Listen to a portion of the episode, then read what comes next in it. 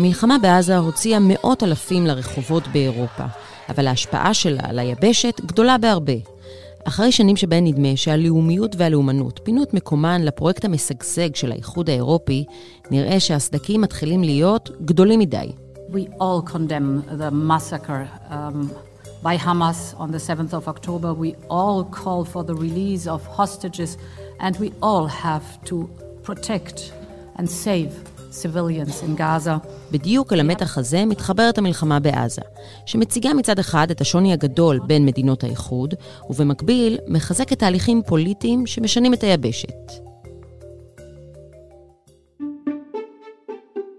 היי, אני חן ליברמן ואתם מאזינים ומאזינות לחוץ לארץ.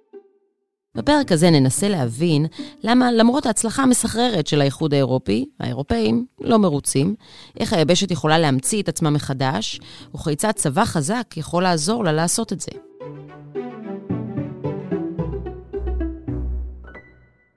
שלום לאורן נהרי, פרשן לענייני חוץ, מגיש שבת עם אורן נהרי ברשת ב' ומחבר ספרי עיון. שלום חן, לך ולמאזינים ולמאזינות.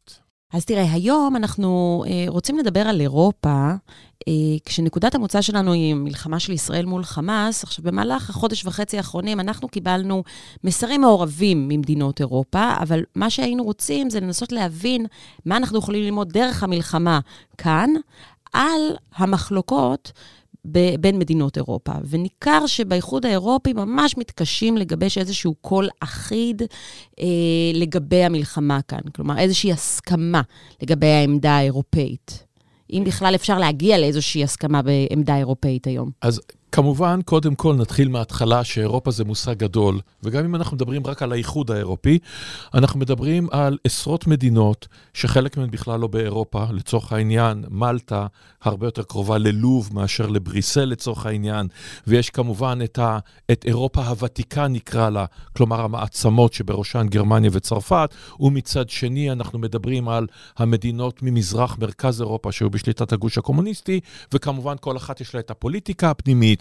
ואת האלה הקתוליות ואלה הפרוטסטנטיות, ואלה מהדרום ומהצפון, ושורה ארוכה של דברים שכן נמצאים תחת לאיזשהו משהו שנקרא לו רעיון מאחד. הרעיון המאחד שהיה. הוא הולך ודועך, של אירופה דמוקרטית, ליברלית, זו שהשלטה את עצמה, שלאומיות זה פסה, וגבולות זה לא רלוונטי. והנה כולנו הולכים להתקרב אל העולם הנאור והנפלא הזה של פוקויאמה, של קץ ההיסטוריה, וכולנו נהיה דמוקרטים וליברלים וקפיטליסטים טובים, ודיכאנו, הצלחנו להיפטר מהדיקטטורים ומהקנאים הדתיים, ואנחנו בעולם נפלא. ולא היא, איך נאמר בעדינות. אם נתחם את התפיסה הזאת, אה, שיש איזשהו עיקרון מאחד, אה, אוטופי אפילו, אה, אם נתחם את זה לשנים, כשזה עוד אנחנו החזיק. מדברים, אנחנו מדברים על שנים, אה, בואי נגיד, מ...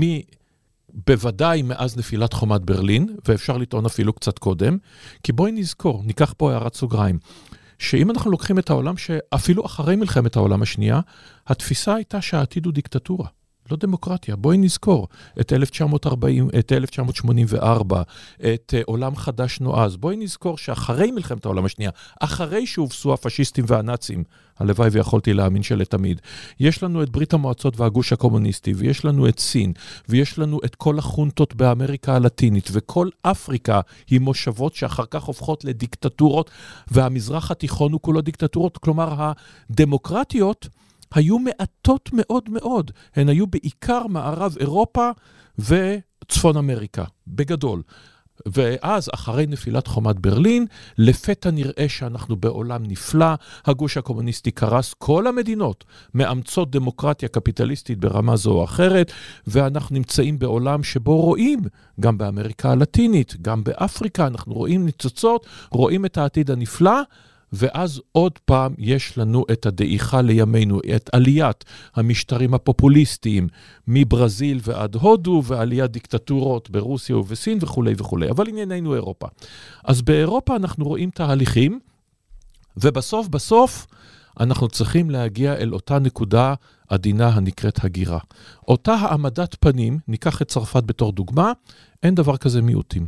אין. על פי החוק אסור לשאול אדם למוצאו או לדתו. כולנו צרפתים, כולנו כאדם אחד. אבל זה לא המציאות. זה לא בדיוק מה שקורה. אז ישנם, ישנה זהות לאומית, ואת זה אירופה לפתע הבינה די לתדהמתה, שלמרות המחשבה הגלובלית הזאת, שכולנו אירופים וכולנו שנגן וכולנו עוברים ממקום למקום, יש פה זהויות דתיות, לאומיות וכולי וכולי וכולי.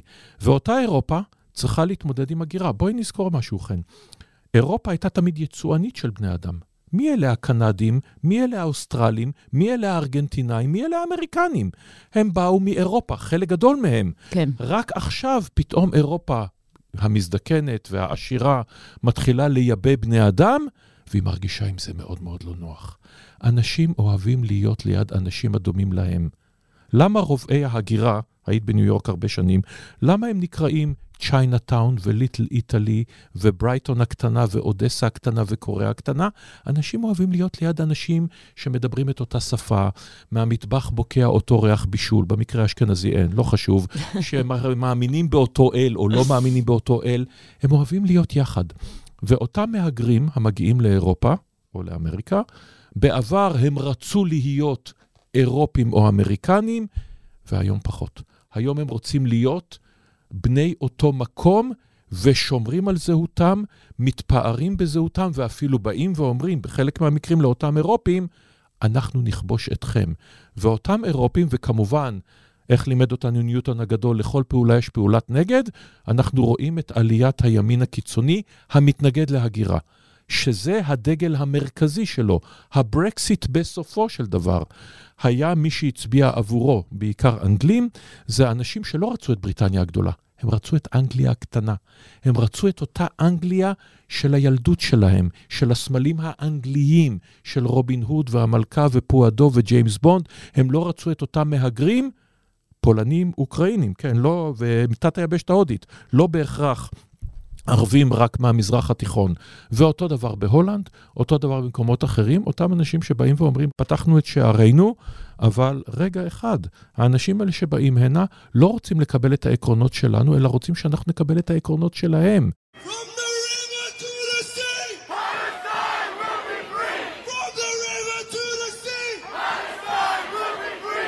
אז הקונפליקט הזה שמתקיים כבר שנים רבות במדינות שונות באירופה, ובכל אחת מהן זה מקבל ביטוי אחר, עד כמה הוא מתעצם בעקבות המלחמה כאן? מתעצם מאוד.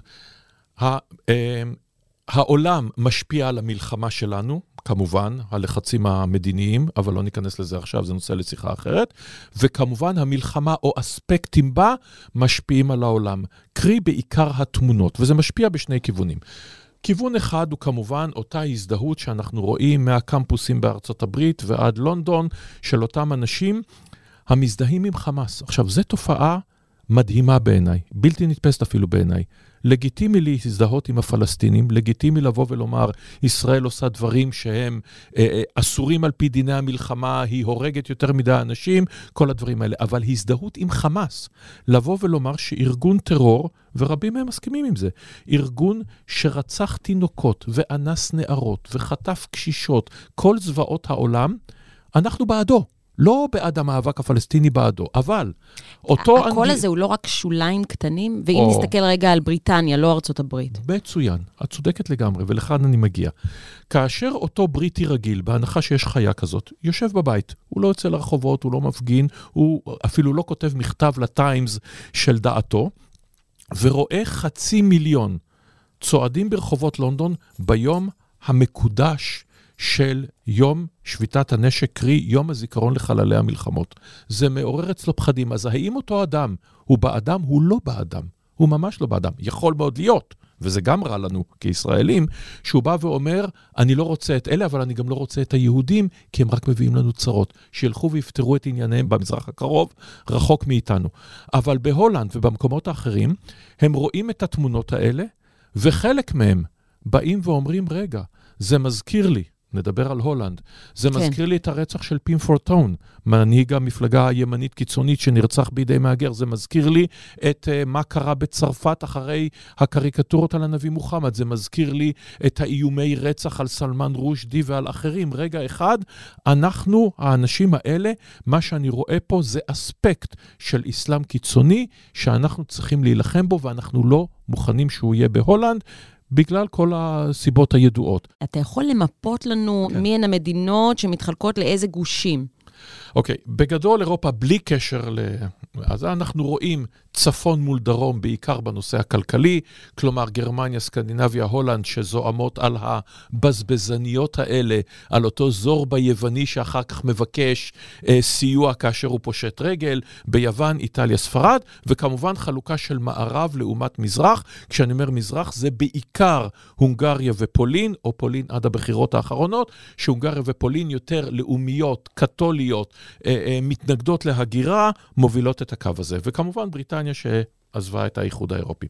אז עכשיו, קודם כל, יש גם בשורות טובות. בואי נתחיל מזה, שהמעצמות של אירופה, ואני מחזיר לכאן את בריטניה, תומכות בנו. עזבי רגע דעת קהל, ברמת ההנהגה, שזה הדבר הקריטי, וכמובן גם חלק מדעת הקהל.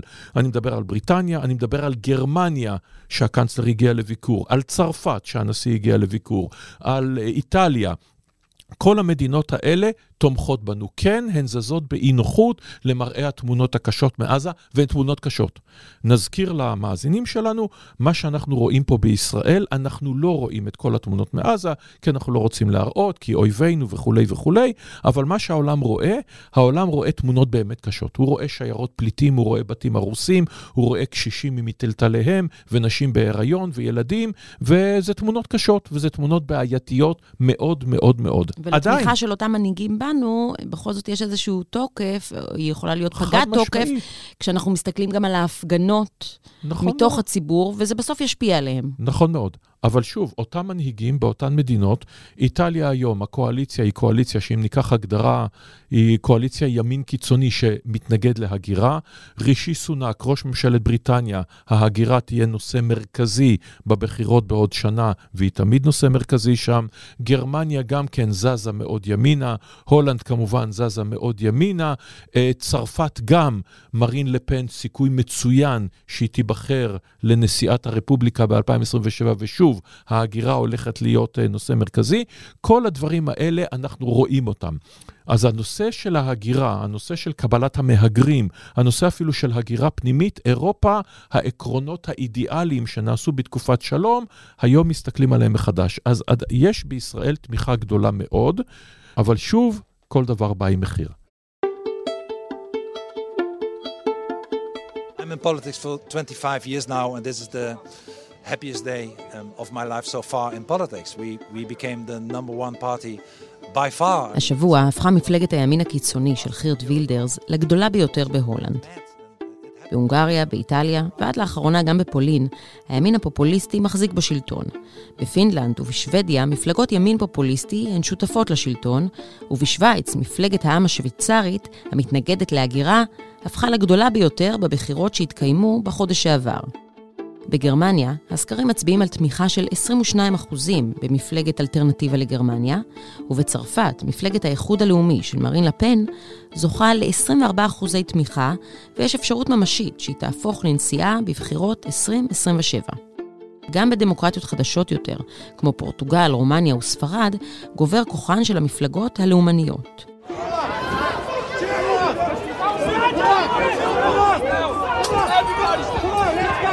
בין הסיבות להתחזקות הימין הפופוליסטי, אפשר למצוא את העלייה המחודשת בהגירה לאחר עצירה בתקופת הקורונה, אינפלציה גבוהה והעלות הגוברת של המאבק במשבר האקלים, שהפך למוקד חדש ועוצמתי לכעס פופוליסטי. ולמרות הכל, מפלגות ימין פופוליסטי נוטות להשתנות כשהן מגיעות לשלטון. פעמים רבות הרעיונות הלא קוהרנטיים והדמגוגיים מתבררים כבלתי ניתנים להשגה, מה שמוביל להתפרקות המפלגות. במקרים אחרים הן מתמתנות, כפי שקורה למשל באיטליה תחת ג'ורג'ה מלוני. Die AfD-Spitze in Feierlaune, der Bundesvorsitzende Kruppalla und der Thüringer Parteichef Höcke bejubeln den Wahlsieg. ואולם, גם אם אינו בשלטון, הימין הקיצוני משפיע על הפוליטיקה על ידי משיכת נתח גדול מהמצביעים. קבוצות אלו מטות את השיח הציבורי ומקשות על ממשלות אירופה לאמץ מדיניות הגיונית בעבור בעיות דוחקות ומסובכות. בהקשר הזה חשוב לזכור את משאל העם על עזיבת בריטניה את האיחוד האירופי, שהיה יוזמה של המפלגה השמרנית, שרצתה להוריד מהפרק את הרעיון הזה, שצמח בימין הבדלני, וקיוותה שהבריטים יצביעו נגד. ושוב נחזור לאיזה מגמות יכולות להתחזק בעקבות הקונפליקט כאן, באירופה. אז המגמה הראשונה, אנחנו הולכים לראות uh, עלייה של הימין הקיצוני, בדגש על התנגדות להגירה, ובדגש גם על אולי פרידה מהאיחוד האירופי. של הרבה מאוד מדינות, בעיקר העשירות. כי אותה הולנד, לצורך העניין, והולנד הייתה המדינה הכי פרו-אירופית, הכי פרו-האיחוד האירופי. אבל הם באים ואומרים, רגע אחד, מה לנו ולמנגנון המושחת הזה, למאה מיליארד אירו בשנה, שמתוכם 70 מיליארד הולכים על סובסידיות לחקלאות למגדלי שמן הזית האיטלקיים, מגדלי היין הצרפתיים ומגדלי הבקר והחמאה, אני יודע, בדנמרק ובגרמניה, ואנחנו, שש מדינות, מממנות את כל המנגנון הזה, המדינות העשירות. נמאס לנו. אנחנו הכנסנו יד לכיס ונתנו מאות מיליארדים. תחשבי על הכלכלה ב-15 השנים האחרונות. 2008 יש לנו את משבר הסאב פריים שמביא לפשיטת רגל באירופה, ואז יש את האביב הערבי, ואז יש את הברקסיט, ויש את מלחמת אוקראינה, חשוב מאוד לזכור, ואת הקורונה עוד לפני זה. הם אומרים, די, האיחוד האירופי בא, אנחנו נותנים כספים לכל העולם, אנחנו מממנים את המושחתים, את אלה שאחרי זה יורקים עלינו. בהונגריה, בפולין, ביוון, בכל מקום, מה, מה יוצא לנו מזה? נעזוב. ואם אנחנו רואים את זה בהולנד, אנחנו בוודאי ובוודאי נראה את זה בעוד מקומות. בגרמניה, אנחנו נראה את העלייה של ה-AFD, אנחנו נראה את זה בצרפת, אנחנו נראה את זה במקומות אחרים. הפוליטיקה האירופית, כמו הישראלית, רק, את יודעת, השוליים הולכים וגוברים. Dieser Überfall der Hamas auf Israel ist furchtbar und er ist barbarisch. In diesen dunklen Stunden für den jüdischen Staat stehen wir, stehen Deutschland und Frankreich ganz fest an der Seite Israels. בוא נתמקד רגע בגרמניה, כי גרמניה יש לה איזושהי תמיכה, לא אגיד אוטומטית, אבל אוטומטית, טבעית, אוטומטית בישראל, ועדיין אני מניחה שהיא עומדת בסתירה כלשהי למגמות חברתיות נכון. שם. Uh, ישנן שתי מגמות. ובגרמניה שתיהן אנטי-ישראליות. הימין הקיצוני הגרמני זה לא הימין הקיצוני ההולנדי או האחר, יש לו שורשים איפשהו באמצע המאה ה-20 כזכור, ויש שם, כן, יש שם בהחלט אה, נאצים וניאו-נאצים. כלומר, אנחנו יכולים לחוק. להתנחם בימין קיצוני הולנדי, לא אה, כדאי לנו לבנות לא לימין קיצוני גרמני. לא כדאי לנו ללכת לאחרים.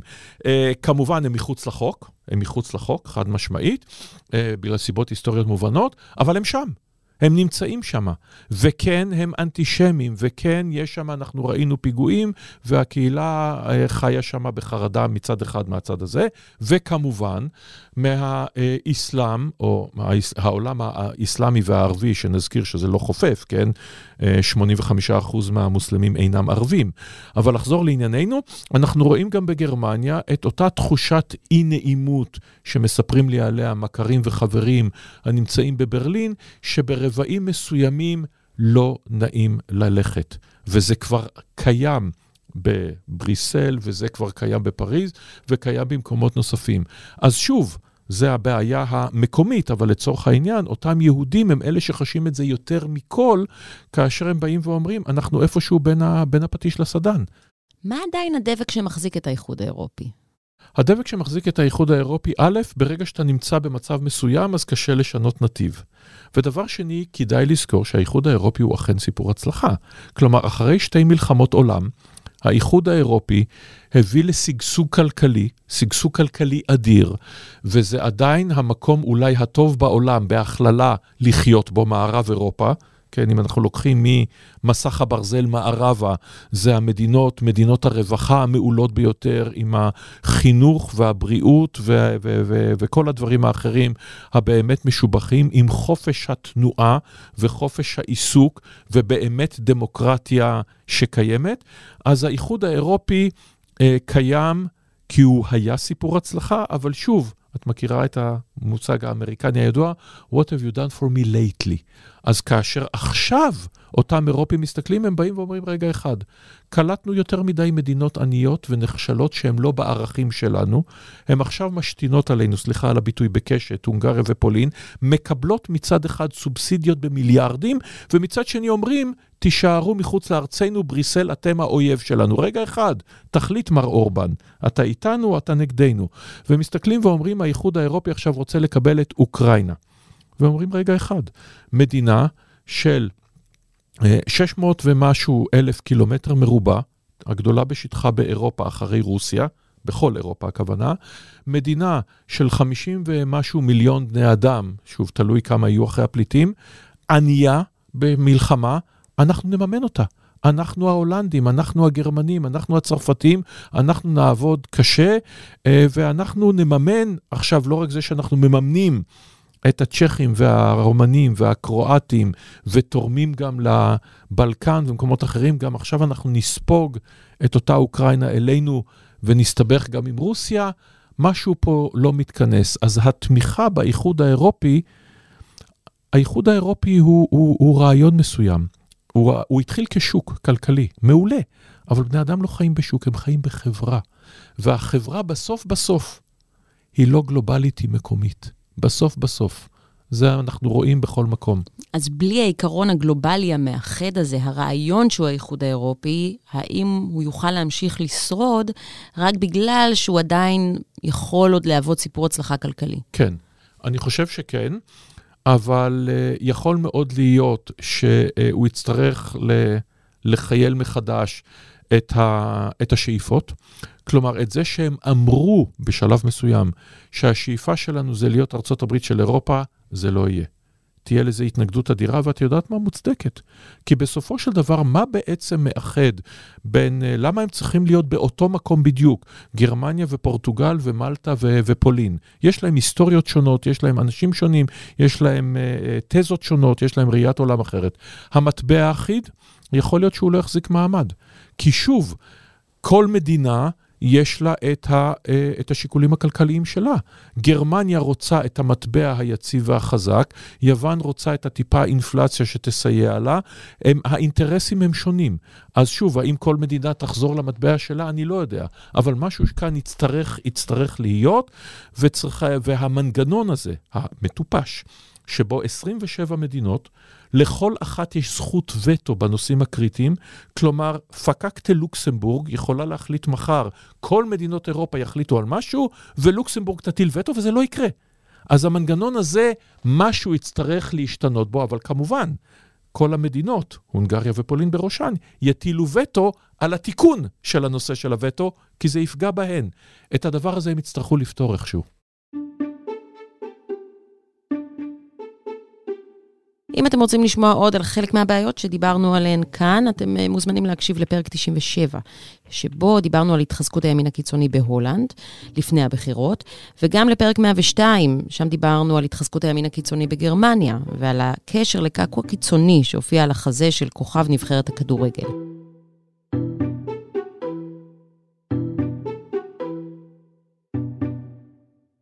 כשאנחנו מסתכלים גם על המלחמה באוקראינה וגם על המלחמה של ישראל מול חמאס, האיחוד האירופי מנסה אולי לראות כאן גם איזושהי הזדמנות לחזור ולהיות גורם משפיע מדינית. והכישלון ואומרים... שלו אולי שוב מאותת את... אה, את האיחוד האירופי אה, תמיד היה ענק כלכלי ו- וננס מדיני. הם אמרו את דעתם. ישנו... איש בטוויטר, אקס היום, ישנו דבר נהדר, יוזר uh, uh, נהדר, שנקרא The European Union Condemns. וכל פעם, את יודעת, יש את הדבר הזה של האיחוד האירופי מביע את דעתו, מביע צער, מגנה, את יודעת, כל הדברים האלה. הנרי קיסינג'ר, שר החוץ הציני והמיתולוגי של ארה"ב, אמר פעם, אם אני רוצה להתקשר לאירופה, לאן אני מתקשר? התשובה היא לא לבריסל. אתה מתקשר, כמו תמיד, לברלין או לפריז או, ל- או ללונדון וכולי. אז בסוף בסוף, האיחוד האירופי הוא נמצא שם, ובסוף בסוף שולף פנקסי צ'קים, לעתים, ועושה הסכמים. אז האיחוד האירופי אה, אה, עושה דברים, אבל בסוף בסוף, כשצריך, נגיד, ההסכם, ההסכם הגרעין המפורסם עם איראן, האיחוד האירופי יוסיף את החתימה שלו. אבל ההסכם הזה נעשה בידי ארצות הברית, רוסיה, סין, בריטניה וצרפת וגרמניה, החברות במועצת הביטחון, פלוס גרמניה. כשצריך לתת את המשקל, המשקל הוא של המנהיגים האירופיים השונים, ולא של נשיא האיחוד האירופי. אוקיי, okay, אז אם נסתכל על מנהיגים אירופיים שונים, איזה, בכל, איזה משקל בכל זאת יוכל להיות להם בניסיון למצוא פתרון? כלומר, אני חושבת על יוזמת ז'נבה, הסכם אוסלו, ועידת מדריד, האם כן יש פה איזושהי הזדמנות מבחינת מדינות ספציפיות באירופה, לא האיחוד האירופי כולו, כן לחזור ולהיות שחקנים רלוונטיים בתיווך? עד גבול מסוים כן. עכשיו, אני לא יודע עד כמה בתקופה שלכולם יש בחירות ומצב כלכלי קשה והזדקנות אוכלוסייה ותחרות מסין וארצות, ומלחמת אוקראינה והחורף מגיע ועוד פעם אה, כל הבעיות האחרות, לא יודע כמה תשומת לב תהיה להן לנושא הזה. אבל כן, הם ירצו, ולו מחמת השיקול הציני של להרגיע חלק מהאוכלוסייה ולהיראות כמטפלים בבעיה, וגם הרבה יותר קל, במקום שאתה להיראות כמדינאי על הבמה העולמית, שלחלק מהם, צרפת, אני מסתכל עלייך, יש עדיין את היומרה הזאת, לבוא ולומר, אוקיי, אנחנו מתערבים ומביעים את דעתנו for the common good של המזרח התיכון. והאיחוד האירופי, חשוב לזכור, יש לו באמת אינטרס אמיתי שבגבולות שלו, והמזרח התיכון זה גבול האיחוד האירופי, יהיה שקט. יהיה שלווה. הם לא רוצים לראות עוד פעם שיהיה פה גלי פליטים שמגיעים אל חופי אירופה. הם לא רוצים שהאסלאם הקיצוני יתעורר, כמו שהוא מתעורר מדי פעם, כל מיני ג'יהאדיסטים שיקומו ויעשו פיגועים ברחבי אירופה, ויגידו זה בגלל עזה, זו נקמתנו על עזה וכולי וכולי. הם ירצו לעשות את זה. אבל כמובן עברו עשרות שנים מאז אוסלו ומאז... אה, מדריד, ומאז יוזמת ג'נבה, ואני גם לא זוכר שאלה היו סיפורי הצלחה עד כדי כך דגולים. אבל הם אה, כן היו בתקופה שאירופה הייתה חזקה יותר. הם היו בתקופה שאירופה הייתה חזקה יותר, זה היה בתקופה שבה בישראל היו ממשלים אחרים, שבה הדמוגרפיה הישראלית הייתה אחרת, שבה אה, קרו יותר מדי דברים בין אז לבין עכשיו. אז הם ינסו להפעיל את השפעתם. אני לא רואה תרחיש, פה אנחנו עוברים לישראל, המומחיות שלי זה חדשות חוץ. את באמת רואה תרחיש שבו הקואליציה הנוכחית מקבלת בשמחה התערבות אירופית, שהיא באה ואומרת, כן, אירופים חביבים, אנחנו מאוד רוצים את התערבותכם, כן, נשמח לשמוע מכם עוד פעם שאתם מטיפים למדינה פלסטינית וכולי וכולי. אנחנו נאלץ לשמוע, לפחות להנהן בנימוס, ואולי יותר מזה, כשזה יבוא מהבית הלבן. זה כן. אבל מבחינת אירופה זה יהיה תוספת.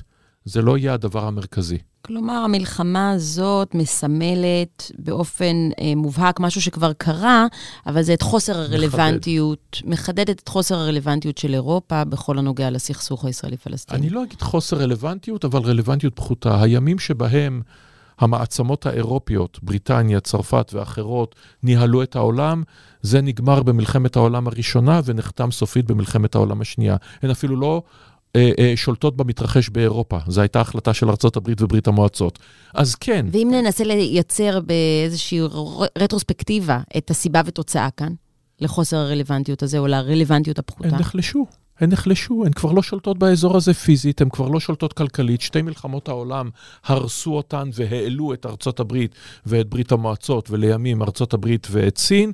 אירופה הרבה הרבה יותר חלשה, הרבה יותר חלשה כלכלית, יותר חלשה דמוגרפית, יותר חלשה צבאית. העוצמה שלה היא עוצמה אחרת לגמרי, אבל אה, שוב, אנחנו חלק... והאחדות אנחנו... שלה, כי אני לא מדברת על אירופה של אה, לפני מלחמת העולם השנייה, אני מדברת גם על אירופה של שנות ה-90. נכון מאוד. אז אירופה של שנות ה-90, שוב, היא גורם כלכלי מאוד מאוד חשוב ולא מאוחד, שכל פעם יש לו מאבקים פנימיים, ועד שמצליחים לייצר אפילו מדיניות כלכלית אחידה, אפילו מטבע אחיד, אפילו עסקת סיוע אחידה, בזמן 2008, אה, משבר הסאב פריים, או אפילו בזמן משבר הקורונה, הם צריכים להיאסף ולשבת שבועות ולהגיע לסיכומים אל תוך הלילה, ובסוף בסוף משהו יוצא מזה. אז לבוא ולומר שזה אותו הדבר כמו לצורך העניין שי ג'ינפינג, שבא ומחליט משהו ובאותו רגע זה קורה, או אפילו ארצות הברית, שהנשיא יכול להחליט, הוא לא צריך את הסנאט בשביל זה, לשלוח שתי נוסעות מטוסים וצוללת גרעינית, וכמה ימים אחר כך הם נתייצבו מול חופי ישראל, זה, זה משהו אחר לגמרי. היכולת השפעה שלהם בכל המובנים, החל מהביורוקרטיה וכלה בהשפעה האמיתית שיש היום לאירופה, זה לא זה. ובין הציר הזה של סין לבין הציר של ארה"ב, אירופה המפולגת, איפה היא בסוף תמצב את עצמה? בסוף היא לצד הברית. בסוף, בסוף היא לצד הברית, כי כדאי לזכור שהאיחוד האירופי הוא כמעט לחלוטין חופף לברית נאט"ו. וזו נקודה חשובה, והאיחוד האירופי וגם ברית נאט"ו הם אלה שמחזיקים יחד עם ארצות הברית, את אוקראינה, הם אלה שהבינו למשל שבמלחמת אוקראינה, שהפייסנות כלפי פוטין הביאה אותם לקטסטרופה של תלות בנפט הרוסי ובגז הרוסי ובסחטנות הרוסית, הם קצת התעוררו, וחלק מאירופה, ולא רק ימין קיצוני, גם מנהיגים, באים ורואים את מה שקורה היום בעולם במונחים לא רק של המאבק המקומי או אפילו האזורי, ישראל מול איראן ושלוחותיה, אלא מאבק גלובלי. שאנחנו רואים את מי שרוצה את הסטטוס קוו, את העולם הפחות או יותר מתוקן, ליברלי דמוקרטי, קרי בגדול המערב. ובגדול הם תומכים בנו. גוש היציבות. גוש היציבות, פלוס כדאי לזכור שמי שתומך בנו חלקים במערב שהם בעצם מאוד במזרח, יפן ודרום קוריאה בתור דוגמה, שתומכות בישראל חד משמעית, זו נקודה חשובה, לבין ציר הרשע, ציר הכאוס, רוסיה שמאושרת ממה שקורה והיא אויבת של ישראל, וכמובן איראן, צפון קוריאה, סוריה, מדינות אחרות, אז כן, גם האירופים שאוקראינה על הגבול שלהם וישראל על הגבול שלהם, באים ואומרים, אנחנו רואים פה איזשהו מאבק עם היבטים גלובליים. לא חזרנו להתנגשות הציוויליזציות של הנטינגטון, שהיא תיאוריה בעייתית כשלעצמה, אבל אנחנו רואים פה התייצבות של ערכים מול ערכים, ובסוף אירופה היא עם ארצות הברית, ובמידה רבה מאוד היא איתנו. By coming to Kiev, the European Union foreign ministers sent a strong message of solidarity and support to Ukraine in the face of this uh, unjust and illegitimate war. אם אנחנו מסתכלים על המלחמה בעזה כמה שחושף את הפילוג האירופי, עדיין יש את המלחמה באוקראינה, שמראה שאירופה גם יודעת להתאחד כשצריך. זה פשוט, אולי לי... הבעיה היא אצלנו, שאנחנו לא מצליחים לגרום למסרים אחידים. כמובן, עם כמה סוסים טרויאנים. שוב, הונגריה, שתומכת למעשה בפוטין ומתנגדת, ל, אה, ומתנגדת עכשיו להעברת כספים לאוקראינה, ואנחנו רואים גם את עייפות החומר. אנחנו רואים שמלחמת אוקראינה, התמיכה המערבית קצת אה, נחלשת, אנחנו רואים את, ה, את ההתעייפות מהנושא. אבל, אבל רעיונית היא שם. רעיונית היא שם, וגם כלכלית היא שם, וגם צבאית היא שם. הם נותנים לאוקראינה נשק ונותנים תחמושת ונותנים את כל הדברים האחרים, כי ברור להם לגמרי, אמרו את זה רק השבוע, רק השבוע אמרו, ובצדק מוחלט, שאם רוסיה תנצח באוקראינה, זה איום על המערב, זה איום על אירופה. כי אם היא כובשת את אוקראינה, אז מולדובה היא הבאה בתור, ואם תסתכלי, ניקח רגע קצת חזון אפוקליפטי, נובמבר 24, עוד שנה, אה, טראמפ מנצח בבחירות, אז בהנחה שרוסיה אחר כך פולשת למדינות הבלטיות, האם ארצות הברית תלך לעימות בגלל ריקה, בגלל ורשה, אחרי זה בגלל פריז? שאלות מאוד מאוד גדולות, לא שאני רואה את רוסיה עושה, מגיעה ישר ל, לאיזשהו כיבוש של מערב אירופה, אבל uh, תהיה לזה, תהיינה לזה השלכות אדירות. אז אירופה, אולי רגע מאוחר מדי, אבל טוב שהגיעה, התייצבה פה חד משמעית לצד אוקראינה, ועדיין, עם ההפגנות, עם הכל, לצד ישראל, עם כוכבית. כי ככל שהמלחמה הזאת תתארך, ככל שיהיו יותר ויותר הרוגים בעזה, ככל שיבואו וילחצו עלינו יותר, מביידן ועד, לצורך העניין, אה, אולף שולץ. מה החזון שלכם ליום שאחרי? אוקיי, מוטטתם את החמאס. הלוואי, לא בטוח שזה יקרה. נגיד, מתי אתם... מה הלאה?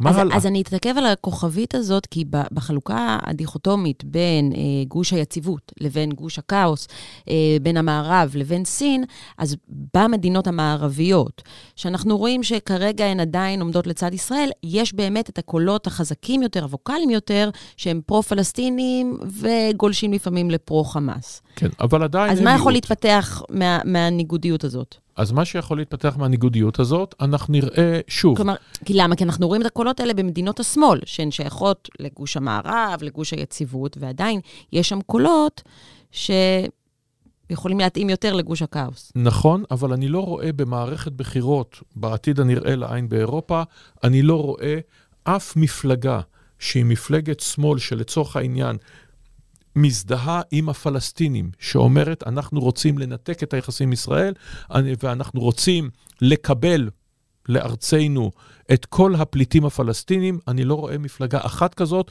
לא רק לא מצליחה, אלא לא עוברת את, את אחוז החסימה. אני לא רואה את המפלגות האלה עולות, מה שאני רואה בהחלט עולות, אנחנו רואים, ואנחנו באמת רואים את זה, רואים את זה בעין, התחלנו לראות את זה כבר קודם, את ה-Backlash של הימין המתנגד להגירה. כלומר, הקולות הבולטים ברחובות, באקדמיה, אלה שמביאים את תשומת הלב, אלה שיוצאים להפגנות, הם בהחלט חד משמעיים, הקולות הערבים, המוסלמים, השמאל הפרוגרסיבי, כן, אבל בסוף בסוף הם לא רוב בבוחרים. השאלה הגדולה, ואף אחד לא יודע לומר, עוד עשר, עוד עשרים שנה. אני לא אגיד איסלאמופוביה, אבל האם ההפגנות האלה יוצרות תגובת נגד, שאולי לא באה לידי ביטוי ברחובות, בהפגנות, אבל היא יוצא, אבל יכולה לבוא לידי ביטוי בקלפי. חד משמעית, זה מה שאנחנו אומרים פה כל הזמן. היא באה בסקרים, היא באה בניצחונות בבחירות, היא באה בעלייה של ה-AFD עוד לפני מלחמת עזה. עוד לפני מלחמת עזה הייתה כבר עלייה בימין הקיצוני הגרמני על בסיס התנגדות להגירה. הברקסיט 2015 היה כולו על נושא הגירה. אנחנו רואים את, את מזרח אירופה שאומרת, אנחנו מסרבים לקבל, את מרקל רוצה לקבל מיליון פליטים ערבים בעקבות, בעקבות דאעש, בבקשה, אצלך, לא אצלנו. אנחנו רואים את הקולות בשוודיה, אנחנו רואים את הקולות בדנמרק, אנחנו רואים מה היה באירלנד לפני כמה ימים, כאשר... אף אחד לא יודע, אגב, אם זה נכון או לא, כי הם מסתירים את זהותו של אותו דוקר שדקר חמישה אה, אנשים בדבלין, פשטה שמועה, אולי נכונה, אולי לא, שמדובר במהגר מאלג'יריה, ובאותו יום דבלין בערה. היא בערה. וראש הממשלה, אגב, גינה את המפגינים, גינה אותם בצדק, אבל לא אמר מילה על הדקירה. זה גם דבר שאנשים באירלנד, אני מעריך, יבואו ויאמרו, רגע אחד, בסדר גמור שאתה מגנה אותם, בסדר גמור, הם השתוללו, הם צריכים להיות בכלא, הכל טוב, אבל רגע, מה עם המעשה שגרם לזה? מה עם אותם מהגרים שמגיעים אלינו, את אותם אנשים אחרים? פעם היהודים, עדיין היהודים, היום המוסלמים, היום האוקראינים, מחר, כל. מחר האפריקנים, כל האנשים האלה לא רוצים אותם אצלנו. אנחנו לא מעוניינים בהם, בגדול. ואנחנו רואים את זה בכל העולם. גם במדינות שהן מדינות הגירה מבחינת האתוס. ארצות הברית, הגברת עם הלפיד, כן? הביאו לי את אומלליכם. היום ארצות הברית, הם, אה, כן, הם עדיין מקבלים מהגרים, אבל אי אפשר לבוא ולומר שמקבלים את כולם. לא שם, לא באוסטרליה, לא בכל מקום. הדבר הזה רק ילך ויתגבר. אז עוד שאלה, הגל לאומנות הזה שאתה מדבר עליו, כמה הוא באמת יאפשר לאירופה להישאר בגוש היציבות? האם יישאר דבר כזה גוש היציבות? גם כשאנחנו מסתכלים על מה שקורה בארצות הברית, אם טראמפ ייבחר זה בכלל לטרוף את הקלפים, אבל גם אם לא, גוש היציבות הזה, לפי מה שאנחנו מתארים כאן במשך כבר חצי שעה ויותר, אה, הופך להיות יותר ויותר לאומני קיצוני. רגע, אוקיי. הוא הופך להיות יותר ויותר... בין לאומי ללאומני. כדאי לזכור את הדבר הזה. זאת אומרת. אוקיי. הניסיון הזה של, uh, שהתחיל עם קרל מרקס והמשיך עם הבולשביקים והמשיך עם האיחוד האירופי ואחרים שבאים ואומרים, אין יותר זהות לאומית, היא נמחקה, היא לא קיימת, כולנו גלובליסטים טובים. אני מרדד את הטיעון. זה יתברר שזה קשקוש. זה יתברר שזה קשקוש. כי יש לנו זהות לאומית, יש לנו זהות של ערכים, עם מי אנחנו מזדהים, עם מי לא. זה יכול להיות בתוך המדינה שלנו, זה יכול להיות במקומות אחרים. אירופה בגדול, בעתיד הנראה לעין, אני, היא, היא לא תחזור לדיקטטורות. חלק מהמדינות, אולי, ואנחנו רואים את זה שוב בהונגריה, אה, יידרדרו לפופוליזם. אבל שוב, הונגריה היא אחת, ואנחנו לא רואים הרבה מאוד מדינות אחרות שזה הולך לקרות בהן. וגם בהונגריה, בסוף בסוף, יש מערכות בחירות, ויש בחירות פלוס מינוס חופשיות, ולא מחסלים את היריבים הפוליטיים כמו שעושים ברוסיה. את יכולה לבוא ולומר, כן, אבל יש ביצור שלטוני ש... רגע, אותה. לאוטוקרטיה. יפה, אבל למה אנחנו משווים? אם אנחנו משווים להונגריה שלפני, או פולין שלפני 20 שנה, אנחנו אומרים יש הידרדרות. אבל אם אנחנו משווים ללפני 30 ו-40 ו-50 שנה, או את כל אירופה ללפני 30, 40, 50, 60 שנה, אז ישנה התקדמות. אז שוב, ההיסטוריה זה אנחנו רואים נסיגה דמוקרטית, וזה לא, נסיגה, אין פה התקדמות כן, בקו אחד. כן, אבל היא גם לא נסיגה שבאה ואומרת, אוקיי, זה מה שהולך להיות, מעכשיו זה, אה, אה, זו הדוגמה, אין לעצור את זה, ההיסטוריה היא גלים שמגיעים אל החוף ונסוגים. היא אף פעם לא צעד קדימה, מצעד גאה ובוטח אל העתיד, בשום תחום. התחומים שאנחנו מסכימים עליהם, החל מזכויות אישה וזכויות להטב"קים ו- ו- ועבודת ילדים, בכל אחד מהדברים האלה, הדברים, אנחנו, יש התקדמות. בגדול, תמיד אנחנו רואים התקדמות, אבל בתוך ההתקדמויות אנחנו רואים גם נסיגות. ו- וכן, וגם אירופה תצטרך ללמוד, כמו ישראל וכמו כל העולם, שעל ערכים קריטיים, על דמוקרטיה ועל חופש ועל הגנת הדמוקרטיה, אתה, אתה צריך להילחם עליהם כל פעם מחדש. זה לא שעשית וי, הקמת את האיחוד האירופי והלכת לישון. הם עשו את הטעות הזאת. הם יצטרכו עכשיו להתמודד עם ההשלכות שלה, וההשלכות הן חלקן לא נעימות. עליית הימין הקיצוני, בתור מה דוגמה. הכוונה הם הלכו לישון? הם הלכו לישון כי הם באמת האמינו שהם הקימו את האיחוד האירופי, והיו שנות שגשוג, והיו. שנות ה-50 וה-60, ואחר כך שנות ה-80 וה-90, ונפלה חומת ברלין, והנה כל אירופה היא, היא סיפור הצלחה אדיר, היא סיפור הצלחה כלכלי והיא סיפור הצלחה חברתי, והמדינות שהיו דיקטטורות תחת ברית המועצות, כולן מאמצות את הדמוקרטיה ואת כלכלת השוק, והן כולן באות לבחירות, הייתה סיבה לחשוב שאנחנו הולכים לעולם שהוא כולו עולם נאור ונהדר, לפחות לאירופים, לפחות לאירופים. ואז באה המכה לפנים החל מההשלכות. של אירועי האביב הערבי, שהם גם ראו בעיני רוחם, הם ואובמה, שהנה אנחנו רואים פה עוד פעם את ההסתערות על חומת ברלין, אבל מה שהייתה זה ההסתערות בסירות פליטים על אירופה, ושורה ועליית דאעש, וכן, יש דברים שאתה צריך להתמודד עם, ה, עם העולם האמיתי. הם יצטרכו להמציא את עצמם מחדש. הם יצטרכו לעשות את זה, את יודעת מה? כולנו. אז לגבי ההמצאה הזאת מחדש, גם אנחנו נצטרך להמציא את עצמנו מחדש, בוא. אנחנו עוד לא יודעים איך, אבל איך אירופה תוכל להמציא את עצמה מחדש? יש כבר רעיונות בכיוון הזה? יש מרכזי חשיבה שחושבים על זה? יש המון. יש המון מרכזי חשיבה ומרכזים אירופיים ומרכזים לניתוח אירופה. כספי האיחוד האירופי הולכים על הדברים האלה בלי סוף, על כל הרעיונות הנפלאים האלה. צריך לבזבז על משהו. וחלק גדול מהם באים ואומרים בעצם, רגע אחד, צריך לחזור לבייסיקס. אין שום דבר בעייתי ברעיון המכונן.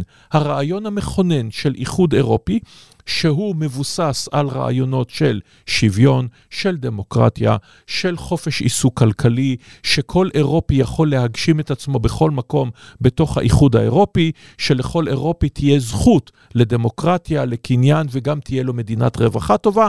כל הרעיונות האלה הם רעיונות נהדרים, לא צריך לגעת בהם. מה שכן, הם לא עובדים על אוטומט. אז אנחנו נצטרך לבוא ולומר, אוקיי, ישנו העולם האמיתי, בעולם האמיתי אירופה מזדקנת, מערכת הר... אה, אה, תוחלת החיים עולה, הבריאות עולה הרבה יותר כסף, אנחנו צריכים לבוא ולומר מה סדרי העדיפויות שלנו. חשבנו שאנחנו לא צריכים למשל להשקיע בהגנה. יש לנו מטריה גרעינית אמריקנית, רימינו אותם. התחייבנו לנאט"ו שנשקיע 2% מהתוצר בהגנה, בעצם לא עשינו את זה.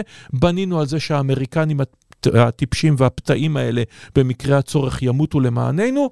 בא פוטין הגדול והרע, ובאו דברים אחרים, ופתאום אנחנו אומרים, רגע אחד, אנחנו צריכים גם יכולת הגנה עצמית, כי לך דע מה יהיה כשטראמפ יהיה בשלטון, או כשאחרים יהיו בשלטון.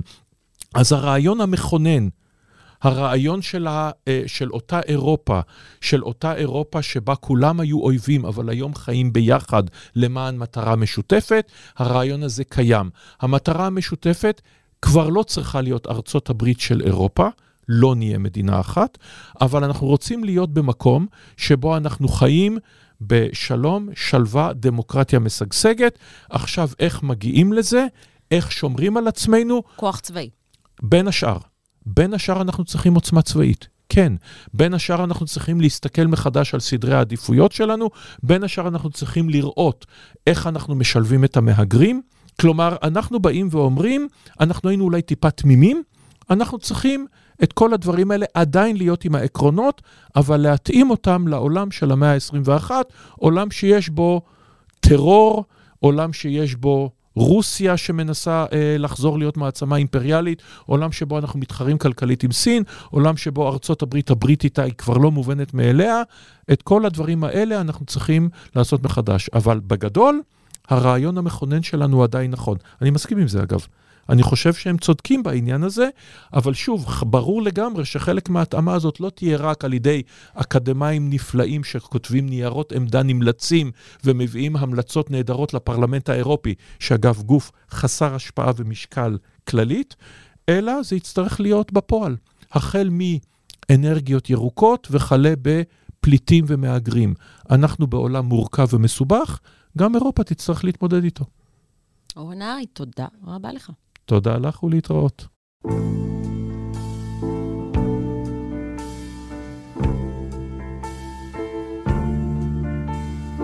עד כאן הפרק הזה של חוץ לארץ. אתם יכולים למצוא אותנו באתר ובאפליקציה של הארץ ובכל מקום שבו אתם מאזינים לפודקאסטים. אם זה באפל או בספוטיפיי, אתם גם מוזמנים לדרג אותנו, כי זה עוזר לנו להגיע לעוד אנשים. תודה רבה לאסף פרידמן, אמיר פקטור, אברי רוזנצבי ורועי סמיוני. אני חן ליברמן, ואנחנו נשתמע בשבוע הבא. I remember all those moments lost in wonder that we'll never find again. Though the world is my oyster, it's so